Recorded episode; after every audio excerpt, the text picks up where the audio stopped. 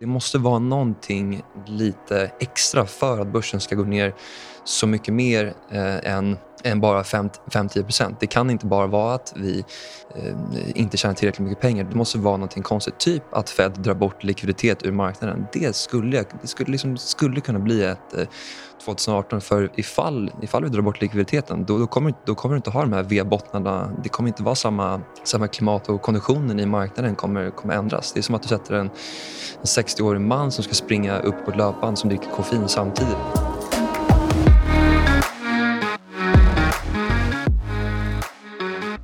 Hallå, hallå! Ni lyssnar på Antilop eh, Podcast och idag har vi ett litet nytt format. Eh, eh, både Micke och Anna är borta. Anna får någon form av rekonstruktiv kirurg, eh, kirurgi i tänderna och Micke har något mystiskt ebolavirus så att det är bara jag och Mr X här idag. Så därför har vi döpt om den här avsnittet eller den här podden till De kallar oss definitivt inte krypto i alla fall. Måste tillägga också att eh, gubben har ju fyllt 50 eh, också, så han har ju blivit lite krasslig och, och öm på senaste. Ja, det slog väldigt snabbt där. Över en natt så blev han liksom eh, gubbe och eh, det är märkligt hur mycket liksom en siffra kan göra, men eh, eh, vi hoppas att han lever ett par år till i alla fall. Kan ju vara lite tur också eftersom vi ska prata lite bitcoin och det brukar bli lite bättre när de två är borta från kontoret. Exakt, så fort, så fort de är borta så passar vi på att, att köra lite inte, inte bitcoin-bashing kanske, för att eh, vi har ju lite nyanserad bild av bitcoin, men eh, det kan vara lite kul att snacka om det nu i och med att det varit ett stökigt på marknaden och, och eh, i krypto också. Ja, eh, vad ska vi snacka om då? Vad ska vi ta upp? Ja, nej, vi ska snacka lite, lite börs själv, eh, allmän eh, eh börsprognos för året 2022 och eh, sen prata lite, lite makro och, och sen kanske avsluta med lite bitcoin-bashing. Då. Ja, det låter bra. Så du hade lite, lite tankar om, om börsen? Ja, men bara generellt sett om, om räntan. Det är ganska många som är ute och snackar om att vi ska ha sju räntehöjningar den här, det här året. Och det var samma personer egentligen 2020 som inte såg någon inflation alls eller som hade någon slags eh, teori om att räntan skulle gå upp då. Utan det är, det är återigen folk som är sena på bollen som tror att, eller inte tror, utan de, eh, de, de ligger bara efter. Eh, och jag, jag tror egentligen att vi, räntan kommer max höjas fyra gånger det här året. Alltså jag, jag skulle sikta på tre gånger. Det tycker jag är ganska rimligt i, i, i min bok. Ja, jag tror att det kanske, kanske bara blir en till. Förra gången blev det bara en, en höjning och sen fick de ju vända.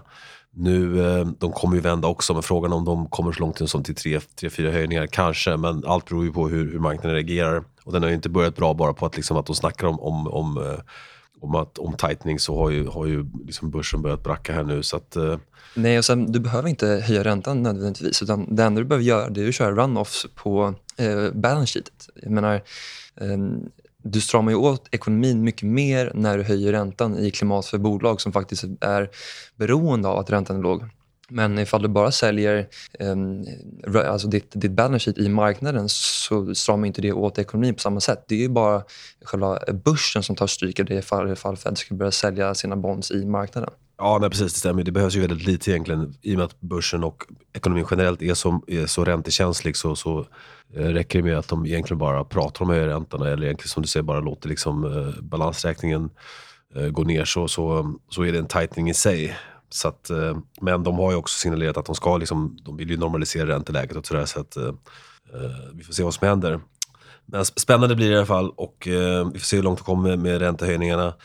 Uh, som du säger, jag tror ja, det är väl implicit uh, 4, 5, 6 kanske höjningar. Är det 7 till och med? Ja, men folk, jag tror konsensus är runt uh, 5-7 där någonstans. Uh, och i, i, min, I min bok tycker jag det bara låter ganska galet att, att höja så många gånger.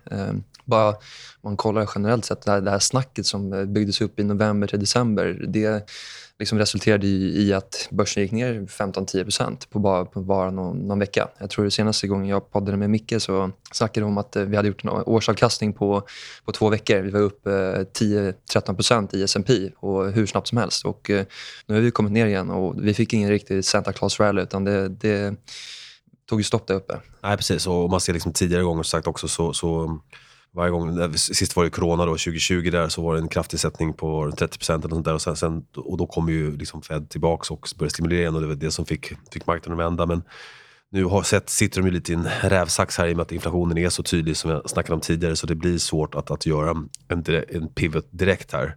Ja, sen plus också hela den här eh, makroekonomiska eh, eh, stansen att, att det politiska faktiskt börjar dra upp tempot lite mer. Eh, för man kollar de två första åren när en president är i, i makten så är det oftast att det är då alla krig börjar, det är då recessionerna börjar och det är då vi har de stora nedgångarna. Så det är egentligen inte jättekonstigt att, att 2022 kommer nog vara ett väldigt lukrativt år för förvaltare, att man faktiskt är aktiv. Medan eh, de kommande två åren, då är det snarare tvärtom. Då, då har man en ganska bra bullrun. Det är inte så mycket eh, fel som uppstår. Och dessutom när, när båda chambers i, i kongressen eh, styrs av demokrater så brukar oftast att det blir, det blir en bättre, bättre börs. För de får igenom alla sina, Exakt, sina de kan grejer. stimulera mer och, och det blir mer pengatryckning och sånt där. Så det, får en splittrad kongress så är det klart att det blir svårare att, att, att stimulera och få igenom alla såna här grejer och det är, brukar ju väga på börsen. Och midterm är, alltså den där presidentcykeln brukar man prata om som, som är fyra år då och, och eh,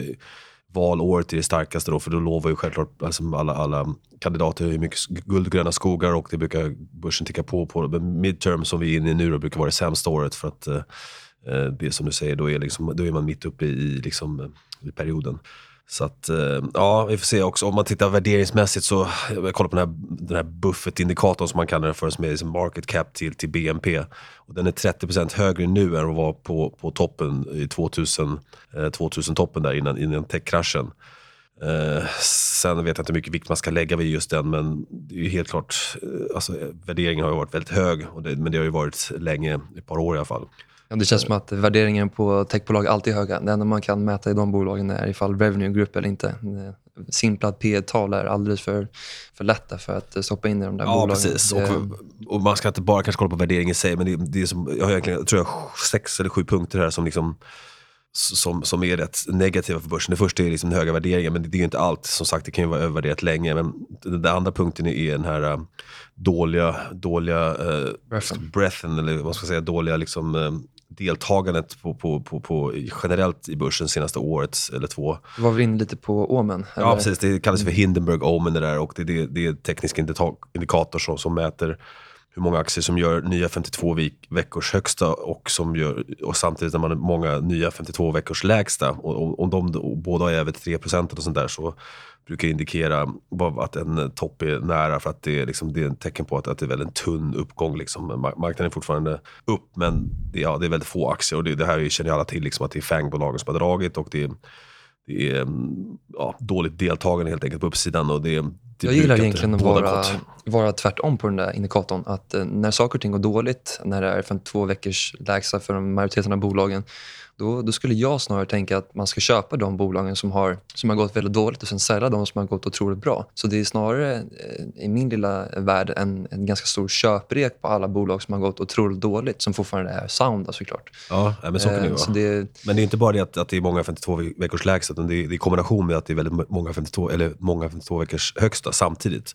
Och just den här kombinationen av att, att börsen går upp men det är samtidigt en hel del bolag som gör 52 veckors lägsta. Så, som den kombinationen som är liksom oroväckande.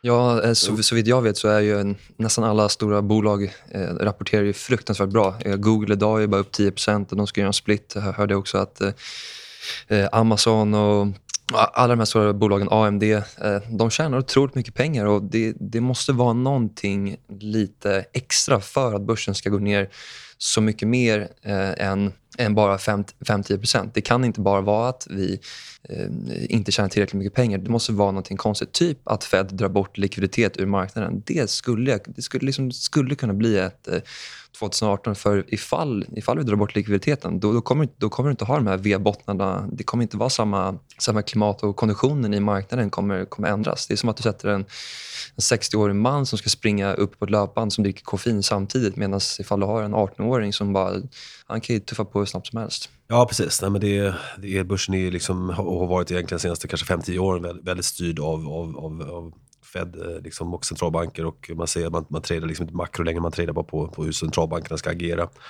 Och det är självklart den huvudsakliga liksom, orsaken till att, att man är lite bäsad för 2022 här är ju att, att, att, att Fed är liksom så, så påstridiga vad gäller den här äh, tightening-cykeln att de verkligen vill eh, vill eh, dra ner, tape, alltså tapera stödköpen och eh, dra upp räntan och i slutändan också sälja av balansräkningen. Så att, eh, Jag menar, trycka pengar har vi gjort i hundra år, det är ingenting nytt. Alltså det, det enda som är nya är egentligen corona. Och eh, varför skulle... Jag är ju i campet att eh, inflation är transitory. Jag var nog ganska tvärtom emot ifall man lyssnar på avsnitt 20 eller 2023, eller 23, där man, eh, när hela inflationståget var liksom through the roof på grund av alla små indikatorer eh, från kompisar med barnvagnar och hit och dit och löner från Kina fram och tillbaka.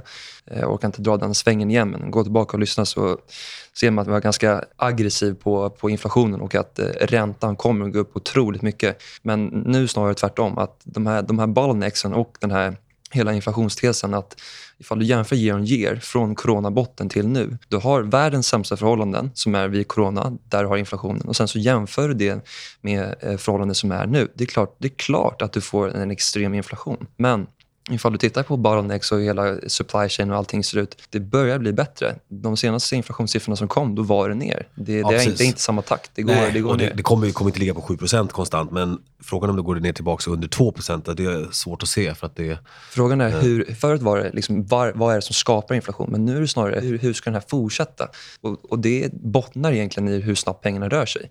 Kommer vi kunna göra lån i, i samma takt som vi har gjort förut? Och, och kommer banker verkligen vilja låna ut till Average Joe för att han ska starta sin firma eller vad, vad det nu är med real estate. Men, eller kommer de bara stoppa in det i eh, T-bills eller eh, Bankersurf eller vad det är. Jag, jag, tror inte att den hastigheten att låna ut pengar till eh, gemene man kommer vara så stor utan jag tror det kommer vara eh, transitory. Det... Vi får se. Liksom, det, om, om det nu blir en tightening-cykel såklart då, då kommer ju liksom den här, lån, den här lånetakten gå ner. Men eh, om de ska reversera och, och liksom strunta i räntehöjningar och liksom eh, börja komma tillbaka med stimulanser så, så finns det ingen anledning att se att folk, inte, att folk ska sluta låna. Liksom. Och, eh, jag, jag, är inte så mycket för den där liksom, velocity-tesen att allt handlar om liksom, pengars liksom, eh, snabbhet i systemet. Jag tror mer att inflation det skapas när man trycker pengar och, och eh, centralbanken och alltså Fed måste trycka massa pengar för att e-, bara hålla staten under armarna. och, och liksom för, att, för, att hela de här, eh, för att de här underskotten ska kunna finansieras så måste Fed trycka pengar. Det är, annars så, så, så, så, får de sluta konsumera helt enkelt. Och eh, det är det också med, med bottlenecks, att man, man snackar om liksom en, inflation, det beror ju på att, att, att, att, eh, att vi, har med, vi har corona och man stänger ner hela ekonomin och då självklart skapas det liksom massa flaskhalsar i systemet. Och det, så, så är det ju liksom självklart. Men det man måste göra då det är ju att konsumera mindre. För att om man inte producerar så måste man ju sluta, måste man dra ner på konsumtionen. Men det vill man inte göra utan man vill fortsätta konsumera. Så man trycker pengar och skickar ut massa checkar till folk och så, så, så har man de här supply-problemen för att folk inte jobbar lika mycket och då självklart då går ju priserna upp. Men eh, det, det kommer ju, som, som, du säger så är det säkert inte liksom bestående på så sätt att det kommer vara 7% framöver varje år. Så där. Men jag har svårt att se att det ska sjunka liksom drastiskt. Och, och eh, man måste tänka på att realräntan är liksom kraftigt negativ fortfarande. Så att, eh, inflationen måste ner under 1% för att vi ska få positiv realränta. Det ja, vi snackade förut om, om Brent Johnson. Han har en liten teori. Jag vet inte om det stämmer. Det skulle vara kul ifall någon har ganska bra insikt på det. Vi får gärna liksom svara ifall det är rätt eller fel. Men det här med att Alltså när, när Fed säger att de trycker pengar, det betyder inte att man ger ut pengar till vem som helst så, så kan banker köpa assets eller vad det nu är. De har ju strikta regler för vad de får göra. Det är bank reserves. När, när de trycker pengar, då, då, får banker reserver och antingen så kan de välja att låna ut pengar eller så kan de parkera dem i, i bonds. Jag menar, ifall de parkerar dem i bonds, då, då är det ju ingen då är det redan cirkulerande pengar som kommer. Utan det, det, är inte nya pengar. Men jag menar ifall du ger ut pengar till en, till en person, då trycker de pengar per definition. Då ja, vi, vi, vi har olika åsikter om det. Jag tror inte att det är så. Att, för att, eh, så... För QE, det är inte pengar. Alltså det, Nej, det, det, är, det är ju bankreserver eller ett lån till average jo, Joe. Men i slutändan så måste ju USA betala sina räkningar. Och eh, har man ett, ett sånt kraftigt underskott, budgetunderskott som man har varje år så måste ju någon betala det. Men måste de verkligen betala sina räkningar? De har inte gjort det sen, sen Bush. Liksom. Ja, om, om inte de, de betalar inte sina räkningar för att de, de, de, de tar ju helt nya, nya skulder. Nya, liksom, man trycker pengar eller så tar man liksom nya lån. Ja. Men det är klart, alltså... Det måste vara någonting annat än att just trycka pengar som gör att det blir den här stora kraschen eller eh, kollapsen, tror jag. För jag tror inte att det är så simpelt att det bara är eh, skuld, underskottet, vem, vem, betalar då, vem betalar underskottet då? Om, om det inte kommer från, från, från Fed? För det, de, de behöver inte göra det. De kommer bara fortsätta i samma takt. De har gjort det i hur många år som helst. Varför skulle ja, de inte kunna precis, fortsätta? Och det, det, är för att Fed har tryckt pengarna och, och, eh, och så staten säljer obligationer och så, måste ju, så köper ju centralbankerna de här obligationerna genom att skapa pengar ur tomma intet. Men det är som du säger, det, det skapas ju bara liksom på deras På deras i, termer. på, på deras, i deras accounts. Liksom. Men pengarna kommer ju de facto till, till statens, liksom, eh, ja, för de, de har ju de facto räkningar att betala. De, man måste ju liksom betala, eh, man måste ju skicka, alltså, det kommer inte bilar automatiskt till USA, det kommer inte liksom varor automatiskt. De, någon i Kina som producerar den här varan måste ju ha betalt. Ja, det, det är sjukt svårt. Det, jag försöker alltid vara, liksom, ha ett öppet sinne och försöka förstå båda sidorna. Men det slutar alltid med att eh, man, man är ingenmansland och har eh, inga viewer egentligen och bara kollar på chartsen istället. Ja, det, nej, precis. Det, det, det, där med timing är också svårt. Men det, och det är också det med, liksom med wealth-effekten som, som, som är så viktig här också. För att om börsen nu börjar gå ner för att man, man, man, Fed ska börja tajta så kommer det vara en, liksom en, en omvänd wealth-effekt. För att he, hela poängen med QE trycka pengar att, att, att stimulera och sådär var ju att man skulle få upp assetpriser, man skulle få upp börsen för att eh, folk skulle liksom känna sig rikare och konsumera mera. Men vad händer då nu om man, om man går in i en tightening-cykel så, så, och börsen faller så blir det en, liksom en negativ eh, wealth effekt och liksom folk känner sig fattigare. Och det, det går ju helt emot det, liksom, Feds tanke från början. Ja, det är ju helt sjukt att tänka att Fed ska sälja sina bills i marknaden. Ja, vem ska de sälja till? Jag fattar. Vem ska, folk har ju bara köpt eh, Ja. obligationer, bonds och, och sådana saker för att, man, för att man vet att Fed liksom kommer köpa mer i framtiden. Men vem lånar ut pengar till, till USA liksom på, på de här låga räntenivåerna när inflationen är liksom så, så pass mycket högre? Det, det, det, det finns ju inte på kartan liksom att, man, att, att någon skulle göra det. Nej, det är mycket märkligt. Jag tycker vi skippar hela inflationstesten och, och Ja, drar, drar snackat, vidare eh, till, precis. till bitcoin som är, lite, Ja, som är jävligt volatilt de sista veckorna. Det har gått ner hur mycket som helst från, eh, jag har inte jättekoll, men 70 000 till 38 Ja, där någonstans. eller. Precis, och det, är som det, det roliga med bitcoin, jag, nu, nu ska jag bara, klara från början att jag är- vi väl båda liksom, eh, inga, liksom, vi är inte negativt inställda till, till blockchain-tekniken eller till liksom, det här med decentraliserat sätt att, att, att äga och fastställa ägande. Det tycker jag är en jättebra grej och jag, jag tror mycket på DeFi i framtiden. Liksom, att, att, att eh, använda den här tekniken för, för att eh, kringgå liksom en massa onödiga aktörer i marknaden. Eh, så det finns ju mycket positivt här. Men, Men he- hela, hela tekniken med blockchain, det är ju framtiden. Det är ingen snack om saken. Men snar, det, det är bara så himla svårt att se att, att just de här som kommer just nu ska vara, eh, de ska vara Apple och, och Facebook. Ja, jag tror snarare det här, det här är pets.com eller, eller MySpace. Det, det, det är sånt, och det är sånt fokus på just prisutveckling, det tycker jag är märkligt. Från början var ju liksom tanken när bitcoin kom att det ska vara en ny valuta, man ska använda det här för att liksom köpa saker och, och eh, så blev det ju inte. Folk använder inte bitcoin som valuta, utan folk, folk sitter bara och hodlar och, och spekulerar med det. Så då var nästa, liksom, nästa iteration var ju att det skulle vara store of value, det skulle vara digitalt guld. Men det är så roligt att man, man, man säger att det ska vara digitalt guld. För att det, självklart så bitcoin liksom efterliknar ju guld på, på många, alla monetära aspekter. Liksom att, att, det, att, det, att det är, som man kallar det, fungible. Att, att det går, liksom, går att föra över var som helst. Och det är divisible, man kan dela upp det hur som helst. Och det är väldigt portable, man kan bära runt det.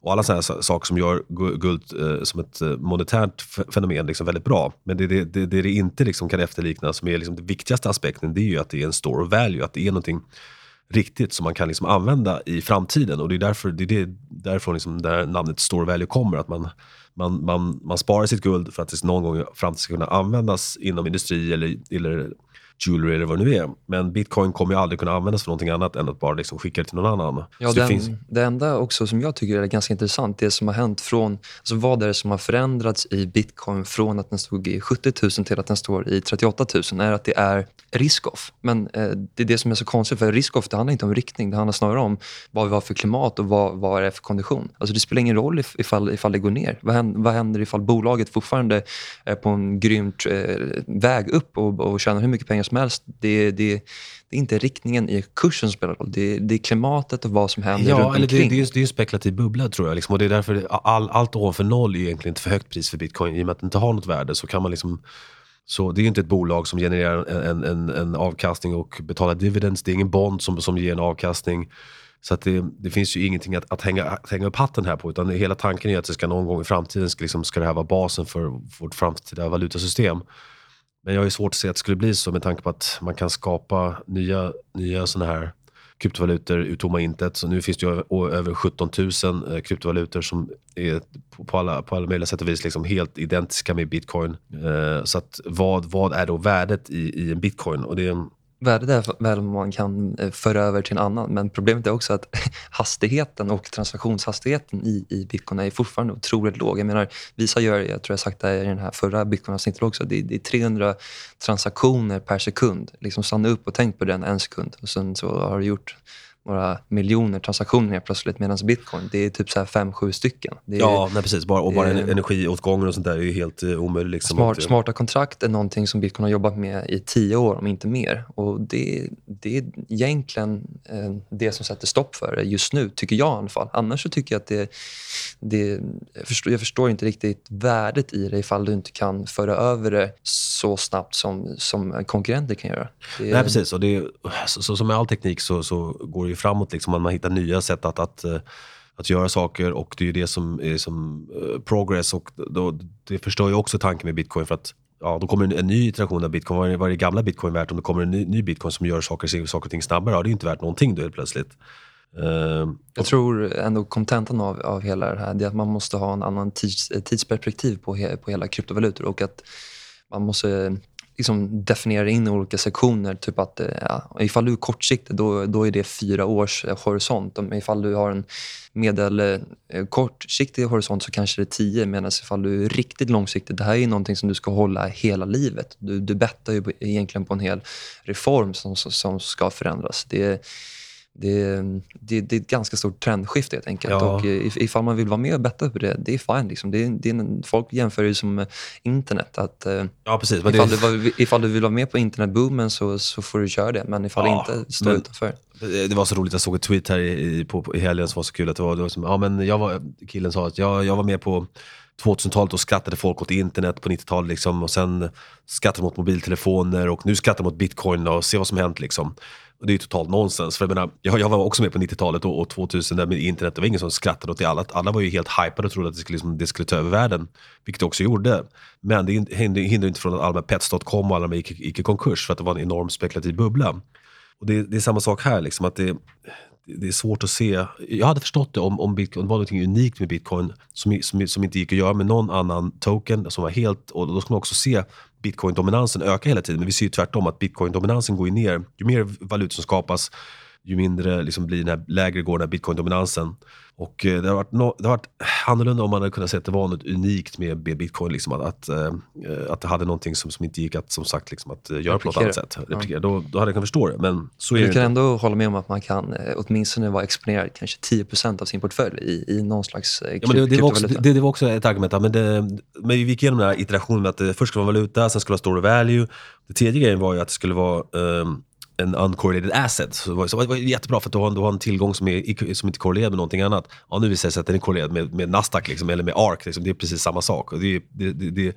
Apropå ARK, ARK är upp 20 sen Vi ska inte gå in på ARK. Men, men, men, eh, så här, skit i bitcoin, köp bara Cathy Woods. Så här, ifall du vill sova gott på natten och verkligen tro på innovation och att världen faktiskt är en fin plats att bo på, då ska du köpa henne. Du säger bara det för att hon är din flickvän. Nej, men du har så jävla Cathy Woods crush. Hon är, hon är grym.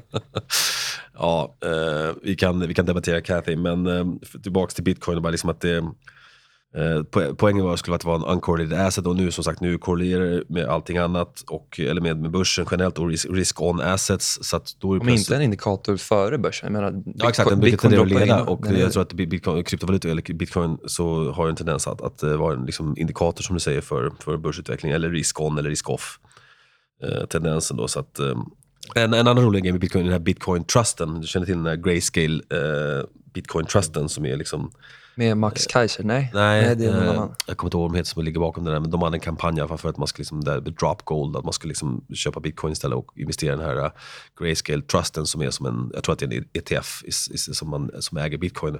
Men det sjuka är att den här rabatten i den här ETFen är 30%, så man kan köpa bitcoin till 30% rabatt om man investerar i den här ETFen istället. Eh, så att, ehm, ja, det låter helt galet. Apropå ja, guld, det har ju varit i en, eh, otroligt lång lateral marknad och oftast när någonting är i en sån lång fas så brukar det signalera att det är en otroligt stor rörelse som kommer, kommer ske snart. Ja, vi pratade om det förut, här med coiled springs, liksom jag och Micke, att, att det, guld har ju verkligen varit i en, en, en kontraktionsfas och marknaden går ju oftast i olika sådana här faser. Att det, det pendlar mellan kontraktion och expansion och nu har det varit en extrem kontraktionsfas. Och sen när den expanderar igen så, så blir det troligen en trendad rörelse.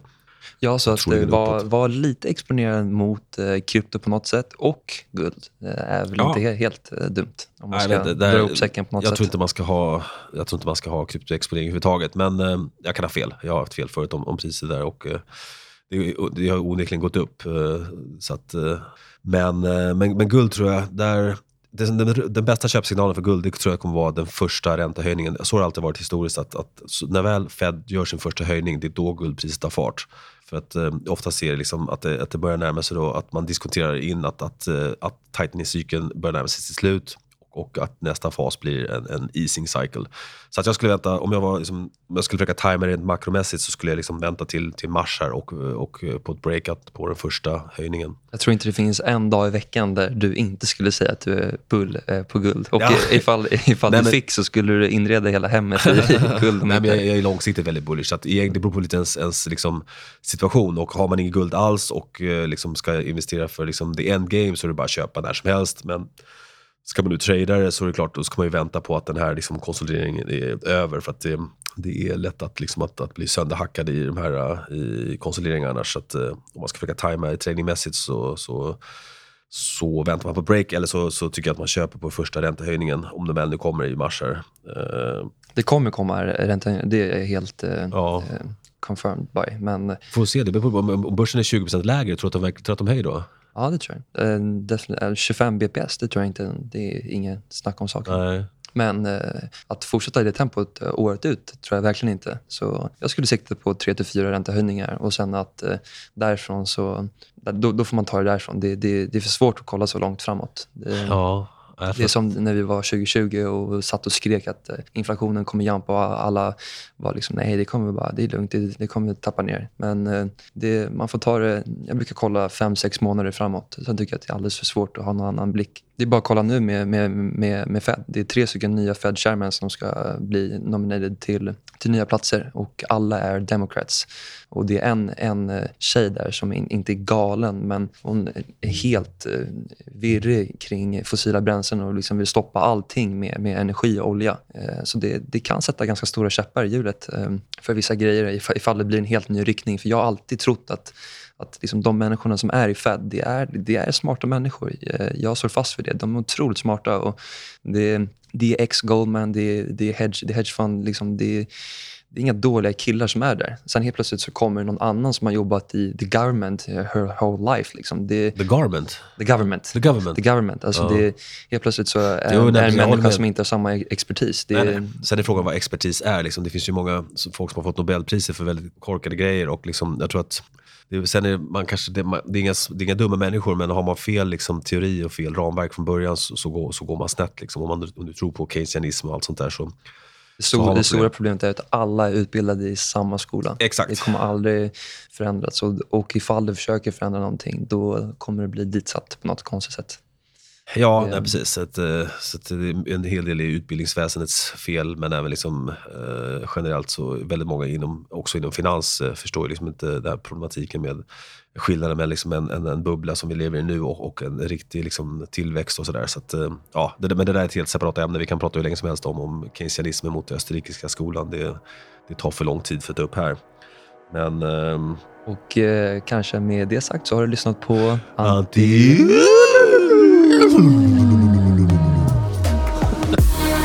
Du har lyssnat på Antiloop Podcast som produceras i samarbete med Vexatom Media. Ingenting som du har hört i det här avsnittet har varit någon form av rekommendation och alla placeringar är förknippade med risken att förlora hela eller delar av ditt kapital. Glöm inte att prenumerera i din podcastapp och lämna gärna en recension så hjälper du oss nå ut till fler lyssnare. Mer information om Antiloop hittar du på antilophedge.com. Där får du även tillgång till Antiloops senaste memos.